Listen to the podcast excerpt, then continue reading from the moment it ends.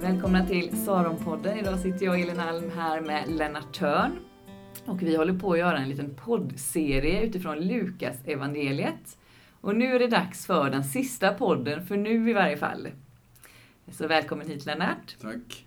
Eh, vad ska du ta med oss in i idag? Ja, jag vill i en podd gärna prata om den barmhärtige samarien, alltså liknelsen om den barmhärtige samarien. Och då är det ju så att Lukas har flest liknelser av alla evangelisterna. Många fler än Markus och även jämfört med Matteus. Och en del liknelser är ju sådana att vi, vi, vi har hört dem hur många gånger som helst, de är kända för oss. Eh, och det är stora liknelser som är viktiga i flera avseenden. Och då är det väldigt svårt att egentligen kommentera dem, för folk vet ju redan vad de betyder.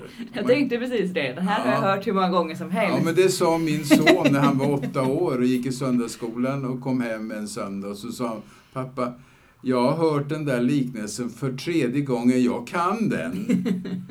Eh, och det är precis så.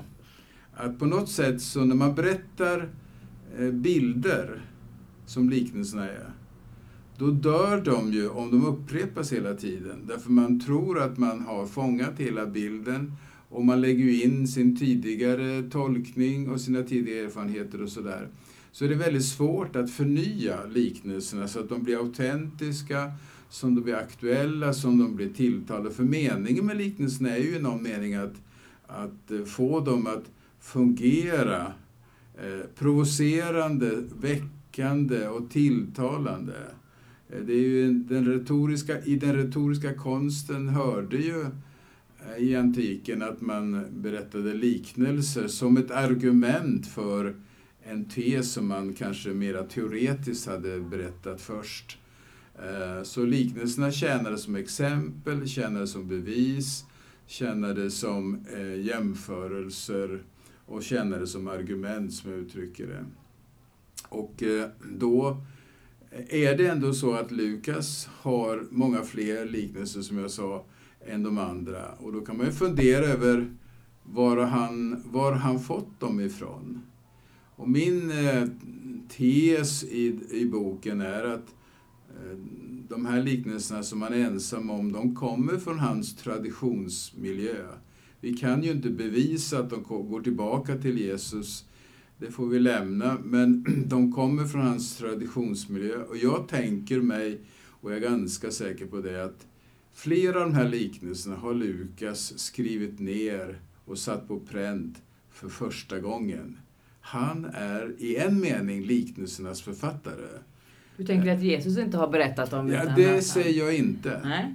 Jag vill inte dra sådana slutsatser, för jag kan inte det. Jag, då måste man ha jämförelsematerial.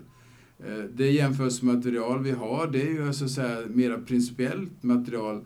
Hur man hanterade liknelser, hur man hanterade berättelser, hur traditionsmiljöer fungerade och så. Eh, och eh, jag följer i väldigt hög grad i mitt tänk Samuel Byrskog som är professor i Lund, hans forskning kring minnet, kring traditionsfrågorna och så. Men jag är övertygad om att Lukas har satt de här liknelserna på pränt och det gäller de stora liknelserna. Då. Eh, men för mig är inte det ett tecken på att Lukas själv har skapat dem eh, från scratch. Eh, utan jag säger att de kommer från hans traditionsmiljö. Där man berättat om Jesus, där man jämfört Jesus, där man har utlagt Jesusorden, där man har kommenterat dem och de har repeterats om och om igen. Och Lukas är den som förmedlar dem i skrift.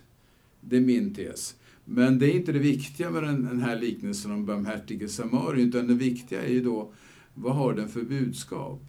Och för att förstå det så eh, måste man tänka lite grann på vad är det för människa, människa och vilka människor är det och vilka, vilket tänkesätt eh, bottnar den här liknelsen i?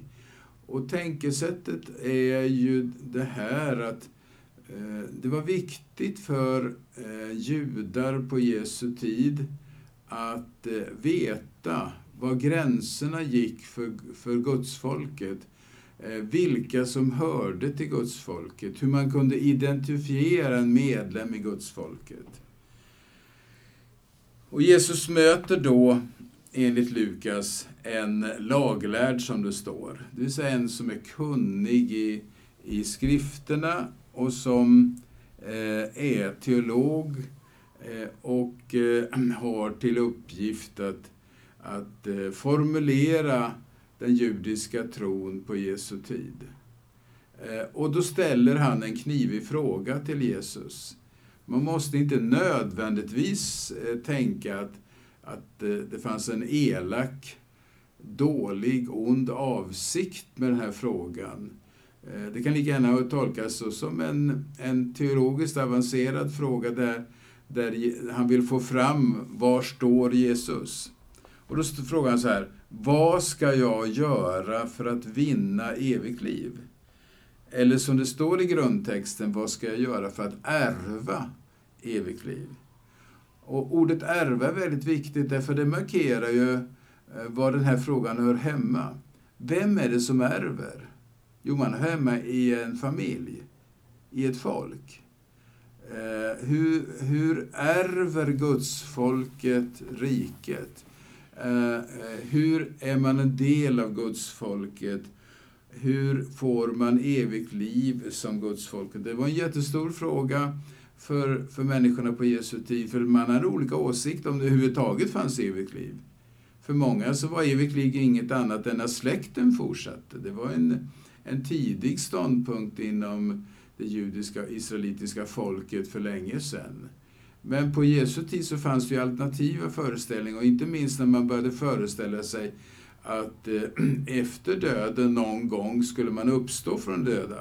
Jag menar, då finns det ju en fortsättning. Och om, man, om det finns uppståndelse från de döda så måste man ju kunna fråga, vem ska få uppstå? Ska alla uppstå eller är det några som ska uppstå? Och vad ska man uppstå till? Och det fanns alltså eh, eh ganska många svar på den frågan frågan. En del säger, sa så här att eh, man ska uppstå från de döda. Alla ska göra det. En del ska uppstå för att dömas och andra ska uppstå för att få evigt liv.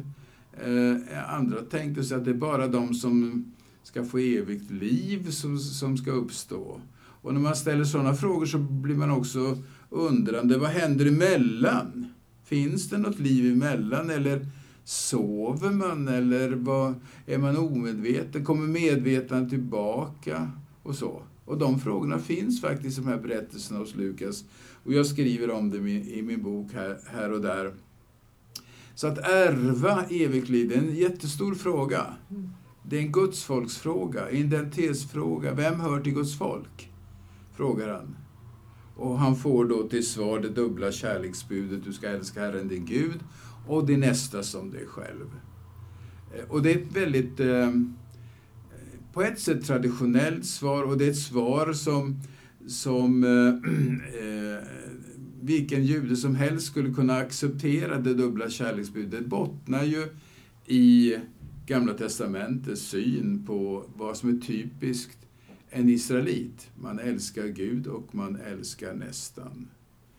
Så där är inga stora komplikationer och Jesus får egentligen ingen, han blir inte motsagd. För i själva verket så är det ju då den laglärde som får ge svaret, han får citera skriften då. Men så fortsätter den lag, laglärde och ställa en motfråga.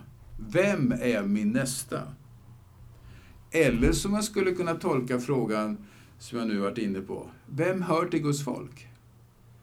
Alltså nästan är inte vem som helst i, i, det, i, i det israelitiska tänkandet på Jesu tid, utan nästan är alla de som hör till Guds folk. Det kan vara olika slags nästa, rika eller fattiga. Det kan vara nästor i marginalen. Eh, och den invandraren som har bosatts i Israel kan kanske räknas till nästan. Alltså där var diskussionen. Var går gränsen? Hur långt sträcker man sig till gudsfolket? Vem hör hit? Innanför eller utanför? var frågan. Och det är en ganska klurig fråga, men den är typisk för Jesu tid. Och då får eh, den här laglärde ett mycket intressant svar. Han får det i form av en, av en liknelse, som vi alla kan, om prästen och leviten som går förbi den slagne mannen. Den slagne mannen kanske var på väg från Jerusalem till Jeriko eller tvärtom. Men i varje fall, han var, var på väg eh, ut med den väg som var väldigt eh, eh, farlig. Det fanns rövare och banditer där. Den var farlig överhuvudtaget. Eh, och eh, han är slagen. Men prästen och leviten av förmodligen kultiska hänsyn det vill säga inte bli besmittad med någon som var på väg att dö eller var sjuk eller uppfattades som icke-jude. I alla fall så skulle han kunna besmitta dem om de rörde vid honom.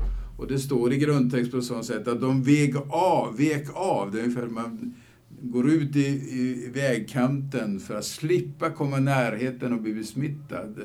Ungefär som smittan eh, kunde smitta i luften. Eh, det är väldigt tydligt.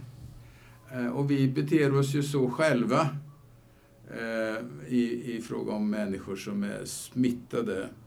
Nåväl, i den israelitiska retoriken så skulle man kunna vänta sig att den tredje mannen var en lekman. Präst, levit, lekman. Leviten var ju en slags tjänsteman i, i templet, prästen hade en högre status. Och lekmannen, den vanliga israeliten, var den tredje kategorin. Men det kom ingen tredje man i form av en vanlig israelit. Utan det kom i bilden eller liknelsen en samarier. En som var ogillad, en som betraktades som avfälling, heretiker, en som betraktades som fiende och som judarna, eller israeliterna, stod i, i, i, i strid mot. Och eh, den här Samarien, den ogillade Samarien, exemplifierar i sitt handlingssätt hur man kan vara mot en slagen nästa. Eh, han gör allt det som kan göras för att han ska bli botad och för att han ska kunna hämta sig, han betalar kostnaderna för boendet, sjukvården och lovar att komma igen och, och lösa upp det eh, om en tid. Och när Jesus har berättat den där, den där bilden så ställer han en, en fråga till, till, eh, eh, till den laglärde. Och, så, och frågan lyder så här. Vilken av dessa tre tycker du var den överfallne mannens nästa? Vilken tycker du var den överfallne mannens nästa? Vad frågade den laglärde? Vem är min nästa? Vad frågade Jesus? Vem var en nästa? Det är två olika frågor. Och skillnaden är den att för den laglärde är nästan ett objekt. Och han vill veta gränsen för objektet för kärlek. Eh, Jesus vänder på det och säger, vem visade sig vara nästa? Och då är han inte ett objekt. En nästa är ett subjekt. En nästa är den som handlar det vill säga omsorgsfullt, barmhärtigt, kärleksfullt mot en slagen människa. En nästa är den som visar sig vara barmhärtig mot en behövande. En nästa är ett subjekt. Det vill säga, det finns ingen gräns för nästor. Alla kan vara nästor. Och frågan är, och frågan är inte vem är min nästa, utan är jag en nästa? Är jag som rik? Är jag som laglärd? Är jag som teolog? Är jag som präst? Är jag som levit? Eller är jag som kristen? Är jag som lärjunge? Är jag nästa eller inte? Det är frågan i den här, berättelsen. Och det, då blir den ju så oerhört närgången. Gå du och gör på samma vis. Det vill säga, nästa kan vi alla vara. Alltså det är inte en gräns för nästan. Nästan är ingen annan. Nästan är jag. Nästan kan jag vara. Och den här texten är ju intressant på det sättet då att den kopplar ihop frågan om lag och evangelium. Alltså eh, lagen som eh, vi protestanter gärna har velat ta avstånd från i den meningen att lagen kan inte frälsa, det vill säga gärningen kan inte frälsa. Och då blir det en sån här berättelse om den, den barmhärtige samarien som gör handlingar som är föredömliga. Det kan bli problematiskt. Men i själva verket är det inte problematiskt. Eh, för det är så här att, att eh, i både Gamla Testamentet och i Nya Testamentet så är, är allt av nåd. Men det förväntas att man besvarar eller bemöter nåden som man har drabbats av med nästan kärlek. Eh, det gamla förbundet som det kallas, det israelitiska förbundet, ett förbund av nåd.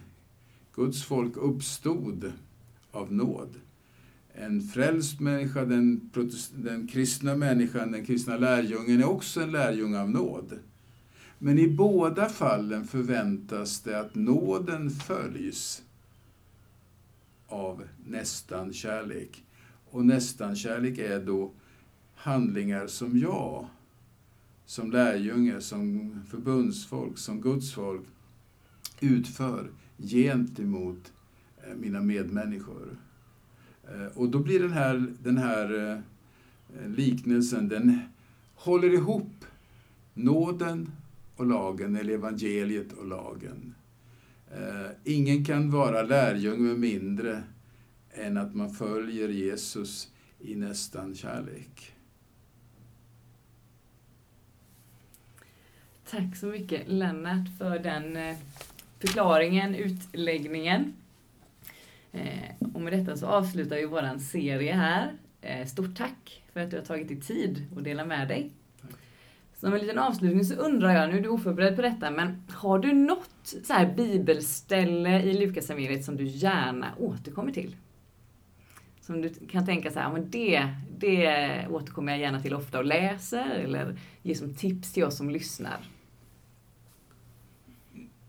Ja, som jag nu har talat idag och tidigare så jag kommer tillbaka till eh, Jesus orden var barmhärtiga så som eder himmelske fader är barmhärtig. Eh, det är för mig väldigt mycket evangelium i det. Gud fader är barmhärtig genom Jesus Kristus. Men eh, den barmhärtigheten är ett uppdrag också. Jag har försökt leva efter det, att vara barmhärtig, men eh, det är ju inte lätt, alltid. Eh, ja. Tack så mycket. Saronpodden produceras av Saronkyrkan i Göteborg.